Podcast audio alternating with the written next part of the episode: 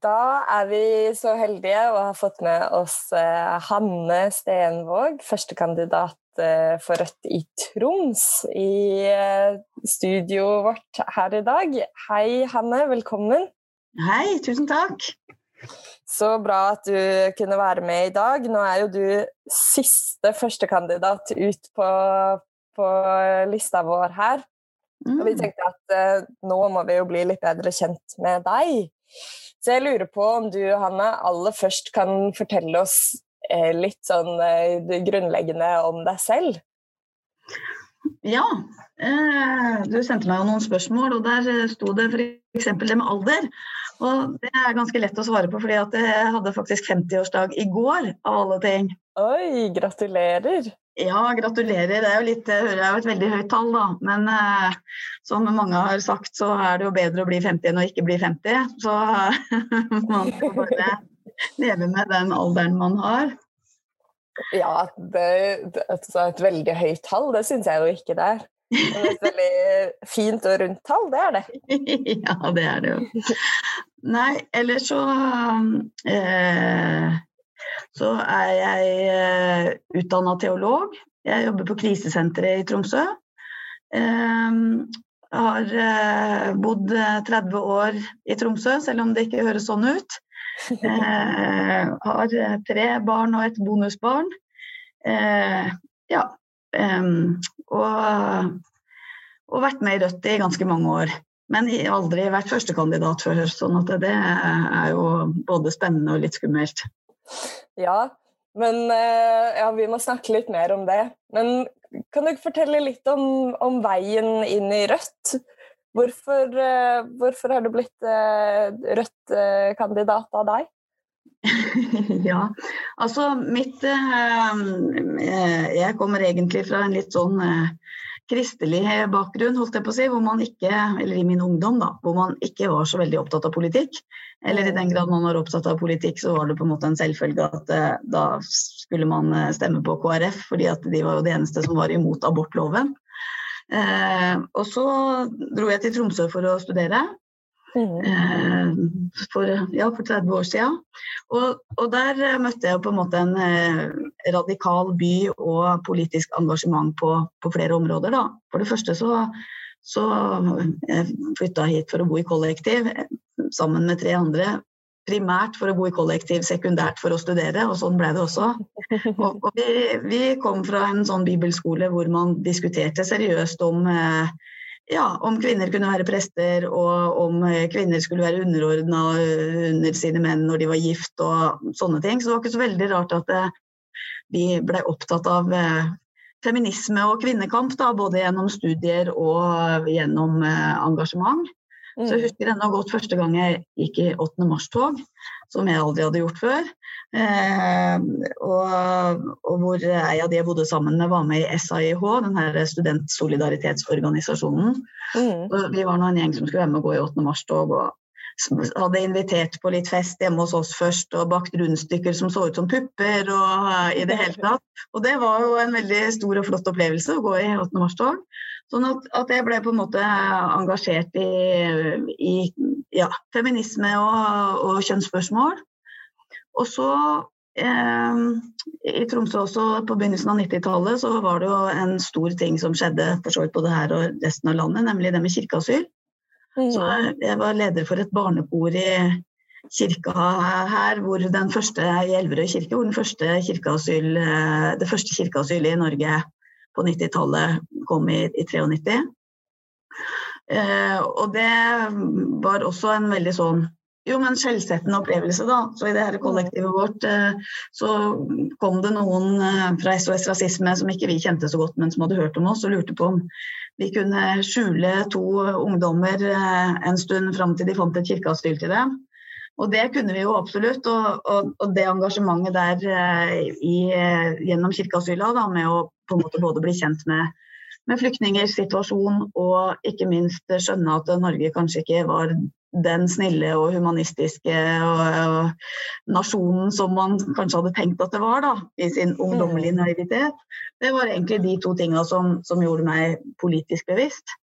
Og så er det jo litt sånn, i hvert fall i Tromsø, med, med, Rødt at der hvor det skjer ting, og der hvor det er aktivisme, som, som var liksom det som jeg blei eh, eh, på en måte starta litt opp med, da, og, og, bli engasjert i aktivisme, der var det jo mange Rødt-folk.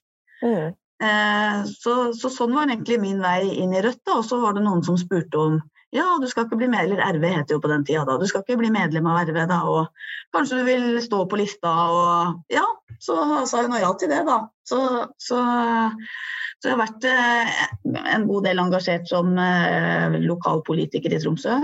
Og mm. vært eh, i kommunestyret både ja, litt som vara og i perioder som fast representant. Mm, men, men, så veien min inn i Rødt har absolutt vært litt sånn aktivismeveien. Og det er jo noe av det som, som jeg også er liksom glad i når det gjelder Rødt. Da. At, at politikk ikke bare er liksom det som skjer på kommunestyremøtene, men at, ja, at Rødt-folka er de som, eh, som år etter år er med å arrangere 8. mars. Og, og, og, uten å alltid heller trenge å si at det, dette gjør vi liksom bare fordi vi er Rødt-folk. Altså at, at det engasjementet er litt sånn på en måte helhetlig, da. Eller at det, det, mm, at det, spenner over mange områder av livet, og at det er også noe som er viktig, viktig i Rødt. Mm. Så er jo problemet litt da at man ikke alltid har tid til å prioritere bare Rødt-arbeid, fordi at man har masse aktivisme man må drive med. Men mm. nå driver jeg og prøver å prioritere Rødt-arbeid, da. Ja. ja, og det er spennende å, å høre om. Jeg tror det er en jeg tror din uh, historie er noe som mange kan kjenne seg igjen i. Nettopp den uh, aktivistveien inn.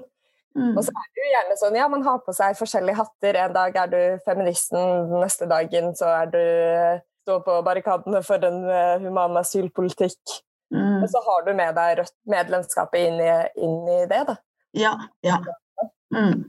Og, og, jeg tenker at det er jo veldig fint at, eh, at, at det er liksom verdsatt i Rødt, da, og, og, ja, og mange andre også, som, som har engasjement utover bare partiengasjementet. Og, og, som jeg sa, så har jeg jo en litt sånn konservativ kristen bakgrunn. Og selv om sånn innholdsmessig så, så er jeg absolutt fremdeles kristen, men på en litt mer radikal måte, så, mm. så tenker jeg jo at det, noe av det her, her engasjementet med at man tenker at ok, men hvis jeg mener noe, så må jeg liksom også gjøre noe med det. Det, mm. det er jo sånn som man kan kjenne litt igjen, da, som er litt felles for, for ja, et eh, kristent engasjement og et, og et sånn politisk rødt venstreside-engasjement. Mm, absolutt. Og det er jo noe du har hatt med, med inn i jobben din også. Ja. Du er eh, leder av krisesenteret i Tromsø, er det sånn? Ja, eller det heter Krisesenteret for Tromsø og omegn, da, fordi det, det er for Tromsø og åtte andre kommuner. Mm. Eh, ja, nei, eh, krisesenterjobben var liksom Etter å ha vært kvinnepolitisk engasjert i, i, i mange år, så, så, så må jeg si at eh, krisesenterjobben var absolutt en sånn drømmejobb. Da. Så jeg var veldig heldig som, som fikk den. Og så tenker jeg jo at det, det, å jobbe på krisesenter, det er veldig sånn jo, men en blanding av å jobbe helt konkret med enkeltsaker, og litt som jeg har gjort innenfor flyktningfeltet også, at, at, det å jobbe med enkeltsaker det gjør også at du på en måte ser strukturene, og du ser ja, men hva blir konsekvensene da, av de politiske rammene som blir lagt, eller, eller eventuelt ikke lagt, eller altså Det får konsekvenser for, for folks liv, da. Så en blanding av det å kunne jobbe med enkeltsaker og, eh, og, og, og også, men også være med på en måte i en sånn ikke partipolitisk, men en, en, viktig samfunnsmessig debatt som handler om det med, med, vold mot kvinner og vold i nære relasjoner. Så, så jeg er kjempe, kjempeglad for å, for å, ha den jobben. Det er eh, fremdeles min drømmejobb. Mm. Og, og, og jeg absolutt har tatt med meg en god del av det, av det politiske engasjementet, selv om selvfølgelig så er jo jobben noe noe annet enn bare et politisk engasjement. Da. Men utgangspunktet var jo også litt å kunne, kunne jobbe med den type viktige spørsmål også i mm. jobben sin.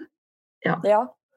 ja. det skjønner jeg veldig godt. Er jo, jeg er helt enig med deg i at krisesentrene er jo kanskje en eh, ofte litt sånn eh, hva skal vi si, oversett institusjon i samfunnet vårt, men som jo er en av de institusjonene som faktisk virkelig er bygd opp av en folkebevegelse da, og en ja. sosial bevegelse. Ja. Og en haug med kvinner som så at dette har vi behov for, dette trenger vi. Og, og, det er kjempe, kjempespennende historie. Om, og, og, der er det også en litt sånn parallell. holdt jeg på å si, ganske mange, Det var mange også kristne bevegelser som, som, nettopp gjorde det samme, at man så at her trengs det noe i samfunnet som, som vi må bygge opp. Og så har, på en måte, altså, så har det blitt et felles samfunnsansvar etter hvert. da, Å drive mm. alt fra ja, eller mange ting innenfor, innenfor eh, sosialfeltet. Så, men krisesentrene virkelig, har virkelig en spennende historie. Så hadde jeg hatt litt mer tid i jobbhverdagen, så skulle jeg gjerne ha hatt et lite prosjekt med å intervjue noen, noen, av de som var med å starte opp da, i Tromsø. Vi hadde 40-årsjubileum for to år siden. Mm. Eh, for så vidt samtidig som vi flytta inn i nytt bygg og ble kommunal, så det var litt sånn eh, Eh, ekstrem eh, erfaring å skulle gjøre alt det på en gang. Da. Men, men det, så krisesenteret i Tromsø ble starta opp i 1979. Og det var ganske tidlig. Da hadde man starta opp i Oslo i 1978. Mm. Eh, så, og, det, og, det, var jo et kjempestort engasjement og masse folk som jobba frivillig og osv. Og, så, og så har jo krisesenterbevegelsen hele tida sagt at eh, eller både, både, vist et engasjement, men samtidig sagt at det å jobbe mot uh, vold mot kvinner, det er et samfunns, samfunnsansvar, da. Mm. Og at det bør man egentlig få lønn for å gjøre, og det bør være en ordentlig jobb, og det, bør, det må være et ordentlig tilbud. Og, og, det er klart Der har jo også krisesenter og kvinnebevegelsen oppnådd veldig mye med å sette, sette fokus på dette i samfunnet. Kjempe for ressurser, eh, forskning, eh, statistikk, kunnskap både i forhold til forebygging og, og hjelp til utsatte og, og alle disse tinga. Og, og, så er det jo litt sånn nå at eh, krisesentrene ja, har blitt en del av, av, eh, av et samfunnsansvar. Og da eh, er det noe med å finne den balansen da, mellom å ta med seg den, den arven, og også det at det er et felt, et politikkfelt hvor, hvor det fremdeles er veldig mye å gjøre. Mm. Eh, og samtidig har det vært veldig bra også med en sånn type profesjonalisering. Eh, så i hvert fall her hos oss så prøver vi nå både ha med det gamle og også ja, jobbe med det og, gi et godt tilbud da, og profesjonelt tilbud. Mm.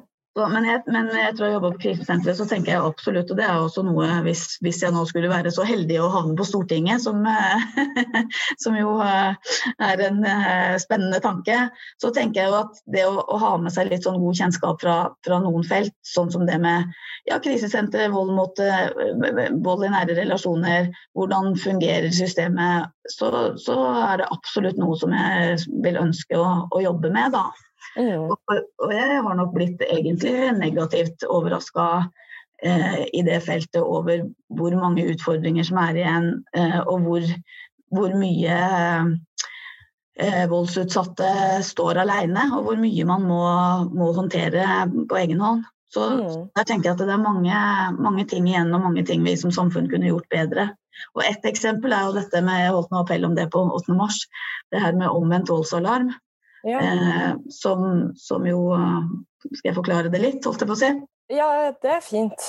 Ja, eh, fordi at til vanlig hvis man eh, er utsatt for vold, så er det ganske lett å få, eller ikke sånn kjempevanskelig å få et beskyttelsestiltak gjennom å ha en sånn voldsalarm som er kobla til politiet. Mm. Men så er det jo mange som har sagt og ønska at eh, det ikke alltid er de voldsutsatte som skal på en måte bære byrden da, med mm beskyttelsestiltak og, og, hva samfunnet kan gjøre for å, for å, hjelpe i den type situasjoner. Sånn at I 2013 så kom det en lov om omvendt voldsalarm som gjør at, at det er mulig eh, å ha en sånn fotlenke som gjør at det er voldsutøver som, som, eh, som skal bære alarm, da, og som har et område hvor man skal holde seg borte fra. og ellers så, Hvis man beveger seg inn i det området, så, så utløses den alarmen. Mm. Eh, og Det er jo en kjempegod intensjon, hvor tanken var å, å, legge mer av byrden over på voldsutøver. Men sånn som i Troms politidistrikt, så, så kom det faktisk nå eh, etter jul i år den første dommen hvor man eh, tar i bruk omvendt voldsalarm. Sånn at det har jo da tatt ja, åtte år eh, hvor man har hatt den muligheten og ikke brukt den. Mm. Eh, og, og, jeg også argumenterte i appellen min da, for at, at, man eh, burde kunne ta i bruk omvendt voldsalarm også som et sånt forebyggende tiltak. Fordi at i dag kan man bare bruke det på en måte etter at det, at det, blitt, eh, at det har falt en dom. Og Ofte så tar det jo veldig lang tid fra en sak blir anmeldt og til det kommer til retten og det, og det foreligger noen dom. Mm. Eh, og da er det jo en kjempelang tid hvor ja, da, da, har det kanskje ofte ikke så stor hensikt lenger heller å, å bruke omvendt voldsalarm når det går så veldig lang tid. Så jeg tenker at bare sånn som det er eh, en, en, enkel ting, men hvor det, hvor det gjenstår ganske mye da, i systemet for å, for å, få det til å fungere på en annen måte. Fordi at de eh, er blitt vant til å tenke at det er de, de voldsutsatte som, eh, som, på en måte skal ja, ja, bære byrden av, av, eh, av beskyttelsestiltak. Mm. Hva, hva, tror du det skyldes at, uh, at det tas i bruk i så liten grad? Eh, jeg tror at det skyldes at det både er en litt sånn treghet i systemene, og så tror jeg det også skyldes litt at eh, mange voldssaker er jo ganske sånn komplekse, og at det sitter litt inne for samfunnet å, pålegge noen restriksjoner. Altså, og det, det, skal det jo også gjøre, men jeg tenker at terskelen er for høy i dag, da. Eh, for det er klart at det er en eh, Det er lettere å gi en, en, en som ønsker det sjøl, en, voldsalarm eh, versus det å, å pålegge noen å Eh, og, og, ikke kunne bevege seg innenfor et ganske stort område. Kanskje pålegge dem å flytte. Så jeg skjønner at det er et stort inngrep, men, men samtidig så, så, så, tror jeg um, at, at, vi må jobbe også litt med holdningene i, i samfunnet, i hvert fall i alvorlige saker. Da, at man, vil, mm. man, er villig til å bruke det. Og da jeg jobba med den appellen, så, så jeg hadde fått med meg på, fra svenske nyheter at i Spania så, så har de faktisk eh, innretta noe som kalles for familiedomstoler. som når vold i nære relasjoner anmeldes, som i løpet av 72 timer skal på en måte bestemme hvordan ting skal være. altså Som kan ilegge en sånn GPS-overvåkning, som kan si hvem som skal flytte ut. Som si, kan si hvordan det skal være med felles barn i en periode framover. Og hvor det også er lagt opp sånn at, at eh, skal saken til retten, så skal det gå fort. Mm. Og, og, jeg tenker at Ofte er vi flinke til å tenke at men, men, vi i Norge vi har kommet så langt, og vi er opptatt av likestilling og vi har gode systemer. Og, så, så, det ble litt sånn aha-opplevelse for meg å, å, se at det, ja, men kanskje har vi en del igjen å jobbe med på noen felter hvor ja, et land som Spania da, har kommet mye, mye lenger enn oss på det å, å, å faktisk eh, sette fokus på vold i nære relasjoner og, og, se at ja, men det er et litt annet felt også innenfor innenfor det juridiske holdt jeg på å si, enn eh, en kanskje mange andre saker, som ikke gjør så mye om mente litt. Mens, mm. mens her, vi ser jo daglig store utfordringer eh, for folk til å finne ut av hvordan skal man håndtere livet sitt fra dag til dag eh, fram til eh, ja, mm. man, man, får god hjelp av samfunnet, eller kanskje man bare er nødt til å, å håndtere det sjøl etter beste evne. Noe som kan være ganske vanskelig hvis du har levd med vold i, i mange år. Mm. Mm. Ja, ja, veldig Et veldig godt poeng. Og jeg tenker jo særlig nå Jeg har sett eh, gjennom det siste året, så har jo eh, krisesenteret her i Oslo i hvert fall vært veldig flinke på, på um, det å sette fokus på, på, vold i nære relasjoner nå under koronapandemien. Mm. Mm. Hvor vi i så stor grad har tilbrakt veldig mye mer tid hjemme, og hvor veldig mange flere av de offentlige uh, arenaene vi beveger oss på, har vært stengt ned. Hvor det da er mm. vanskeligere også å møte et lokalsamfunn eller møte folk og systemer hvor man kan få hjelp. Mm. Ja, nei, så Det blir også, det, jo, det, det, det, har vært en bra ting at det har vært mye fokus på, på vold i nære relasjoner i forbindelse med, med koronasituasjonen. Så det blir veldig interessant å, når vi Jeg tror det tar litt tid før vi på en måte egentlig eh, får vite eh, hvordan ting har vært mm. hjemme under nedlukkinga. I hvert fall sånn som hos oss. Så, så, så ja, under den første nedstenginga så, så merka vi da var det veldig stille eh, her på krisesenteret og på mange andre krisesentre. Mm. Så og så har det normalisert seg litt mer her hos oss. da Vi har ikke hatt så um, sterke nedstengninger og restriksjoner som det har vært eh, i Oslo-området. Men, eh, men, det jeg har sagt når, jeg har snakka om, om, det her med korona og, og krisesentre, og hva ser vi, så, så har jeg også pleid å trekke fram at, at veldig mange av de som uh, bruker krisesentre og bor på krisesentre, de, de, forteller at de har levd med vold i over lang tid. Mm. Kanskje så mye som en tredjedel som, med, som forteller at de har levd med det over, tre, over fem år, og en tredjedel som har levd med det i ja, ett til fire år. Så, mm. Sånn at, at, jeg tror også, eh, både fordi at det, at det, er vanskelig også til vanlig å be om hjelp, og at det er et, et eh, tabubelagt område, og at, det, og at, det, også er vanskelig fordi at man jo ofte håper at ting skal bli bedre og eh, ja. Så, så, så, så tar det ofte lang tid før man tar kontakt med og ber om hjelp, enten det er med krisesenteret eller om det er med andre hjelpeinstanser. Så jeg tror òg at det kommer til å ta litt tid før vi helt får vite hva som, eller hvordan koronasituasjonen har påvirka situasjonen da, hjemme der hvor, hvor, man både kanskje har hatt det utfordrende før korona og fått det enda mer utfordrende under koronanedstenginga. Mm. Men det er veldig bra at det, at det også har medført et sånn generelt fokus på, på det med vold i nære relasjoner eh, ja, som trengs både, når, både, når, det er korona og når det ikke er korona. Ja, og når det ikke er korona. Absolutt. Og forhåpentligvis så får vi jo et uh, regjeringsskifte nå. Og mest sannsynlig ganske mange Rødt-kandidater på Stortinget. Og i den gruppa hadde jo vært veldig, veldig fint å ha med deg. Uh, med den kunnskapen og, og det fokuset. Ja, da, kollegaene mine de er litt eh, stressa for hvordan det skal gå da, hvis jeg havner Stortinget. Men eh, jeg har nå lovt å jobbe for eh, krisesentrene og jobbe for det med fokus på vold i nære relasjoner og vold mot kvinner, sånn at de har sagt OK, da. ja, det er veldig bra. Ja.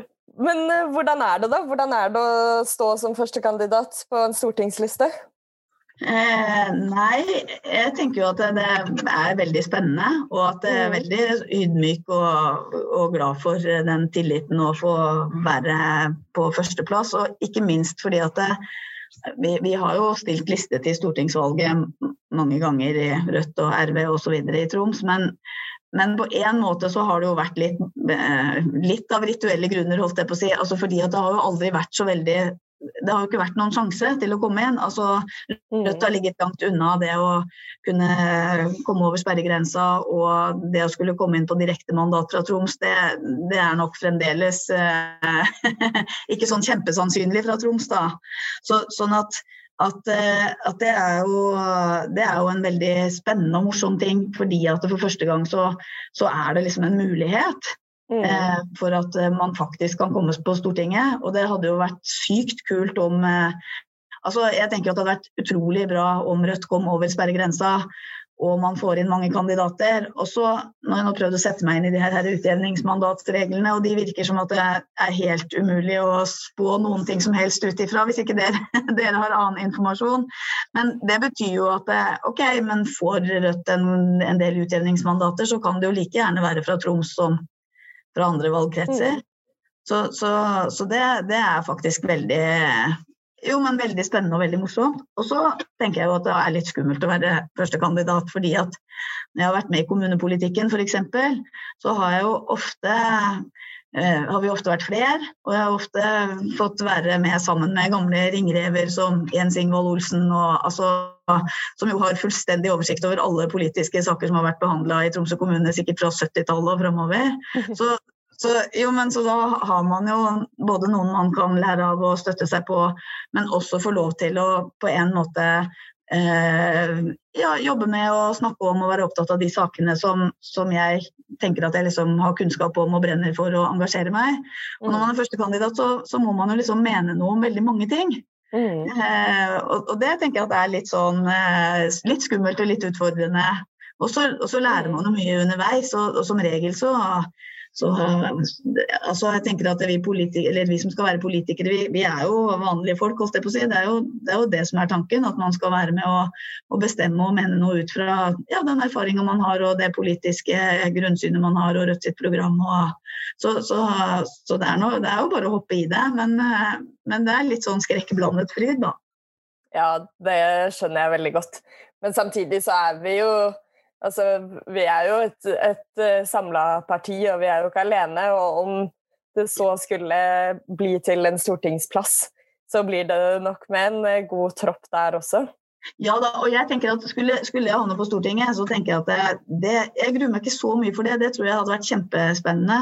Men jeg syns egentlig det er litt sånn skumlere med, med litt den her valgkampbiten. Ja. Og, og, sånn syns jeg det er i lokalpolitikken også, at det, at det, det det koster meg ikke så mye å ta ord i kommunestyret, fordi da kan du på en måte forberede deg, og det er liksom i litt siviliserte former. Men noe mm. av den der, der valgkampgreia, eh, den, den, eh, kjenner jeg at av og til eh, ikke er helt min greie, da. Men jeg tenker at man må bare være seg sjøl og, og, og, prøve, å, ja, prøve å være saklig og, og, komme med gode argumenter.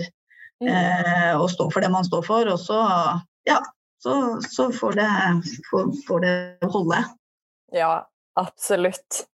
Og så er det jo, som du sier, så er jo jobben som politiker er jo å lytte til folk og snakke ut ifra egne erfaringer og mm. Men hvis du ja. skulle eh, trekke frem hva, hva, tror du kommer til å være viktig for eh, Troms-velgere frem eh, mot stortingsvalget nå?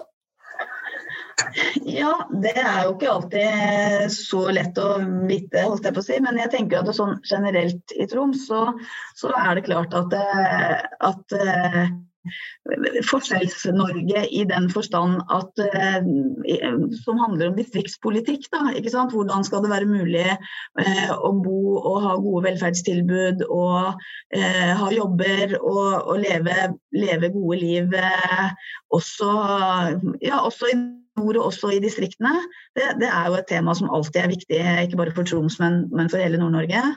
Eh, og, og, det og, det betyr jo f.eks. Eh, både nå i landbruksoppgjøret holdt jeg på å si, at, at, det blir rammer som gjør at man kan drive arktisk jordbruk, holdt jeg på å si, og, og også ikke minst innenfor fiskeri.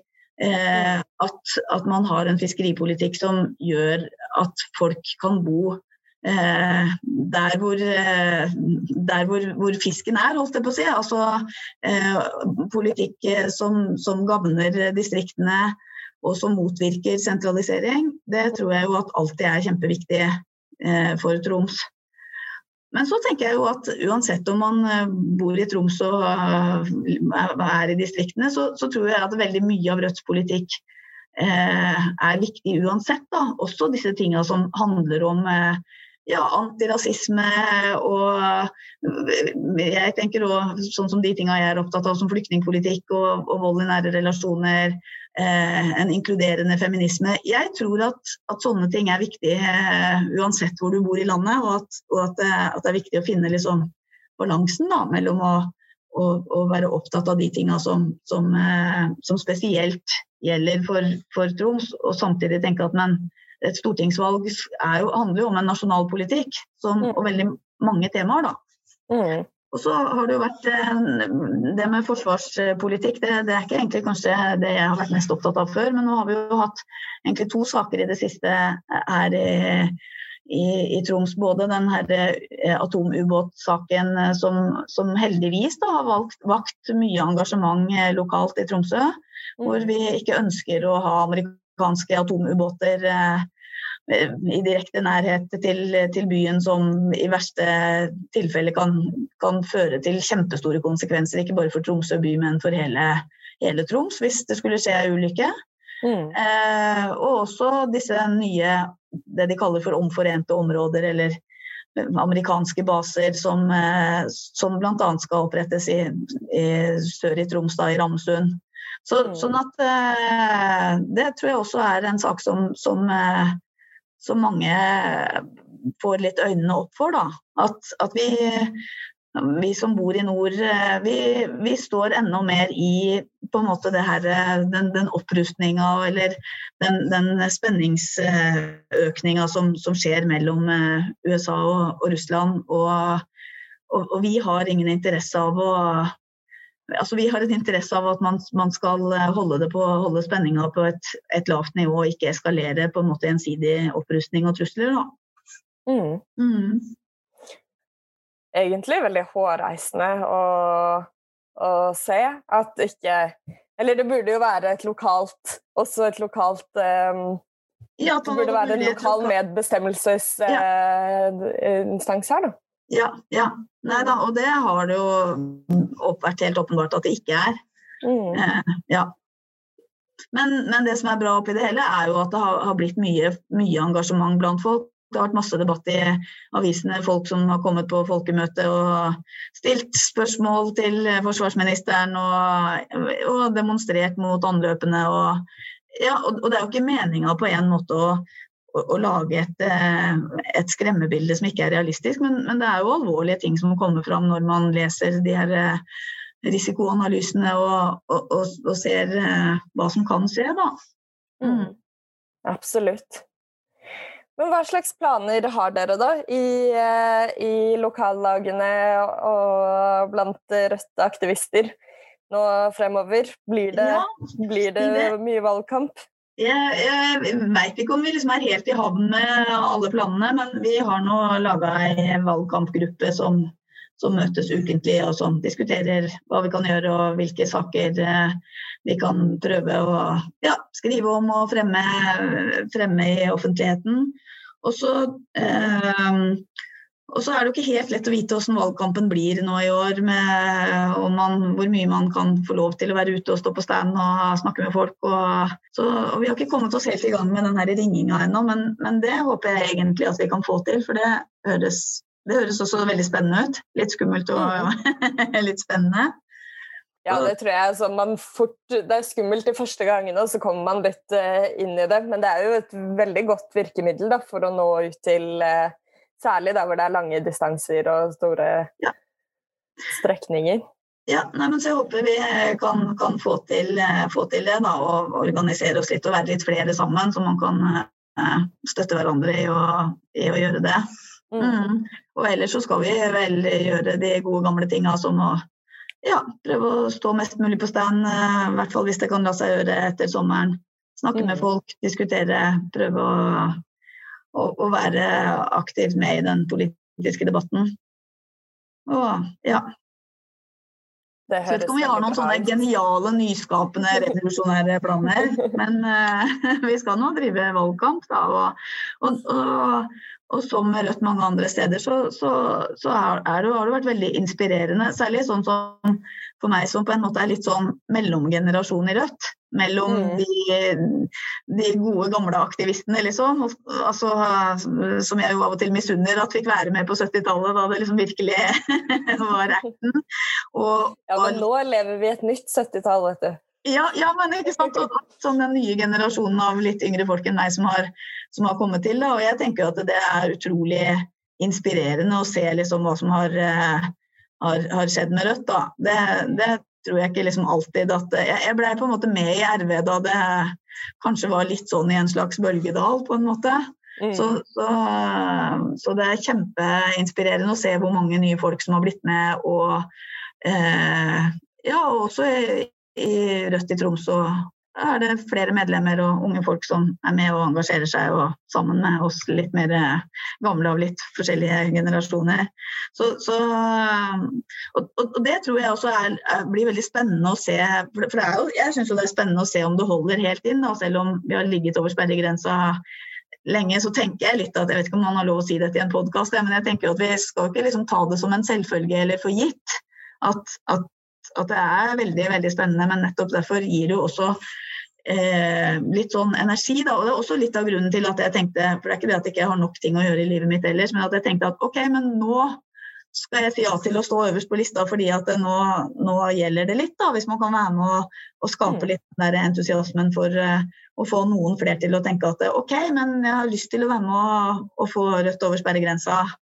Mm. Så, så, Mm, så, så, og, og, og, litt Altså eh, Jeg sa jo det at det tok litt tid før jeg ble politisk eh, aktiv i mitt liv, men jeg var faktisk med å stemme andre gangen jeg kunne stemme til stortingsvalget og stemme på Erling Folkvår i 1993. Eh, og, og, da hadde ikke jeg satt meg så mye inn i politikk, men, men, men han framsto på en måte som en litt annerledes politiker. Og eh, en som, som, turte å stå opp mot makta og, og si ifra. Eh, jeg husker ennå, jeg kan nesten se for meg liksom, artikkelen. Det kan til og med hende det var liksom, i Aftenposten, eller jeg vet ikke, hvor jeg liksom leste intervju med Erling Folkvord og tenkte at det, yes, men han eh, skal jeg stemme på. Og det var jo fantastisk når, når han kom på liksom, Stortinget for første gang. Ja. For, for, RV, liksom. Det var jo helt stort, så det er jeg litt stolt av at jeg, at jeg var med på det. Da, da var jeg var student i Tromsø, men jeg var bosteds eh, registrert i Oslo. Så, mm. så, jeg håper at vi kan få inn liksom, få, få noe av den der samme få med folk som ellers kanskje ikke nødvendigvis har, har tenkt at liksom, de skal stemme på Rødt, til å, til, til å være med og, og, og, løfte. Da. Og få Rødt over eh, sperregrensa og se hva kan vi få til med det.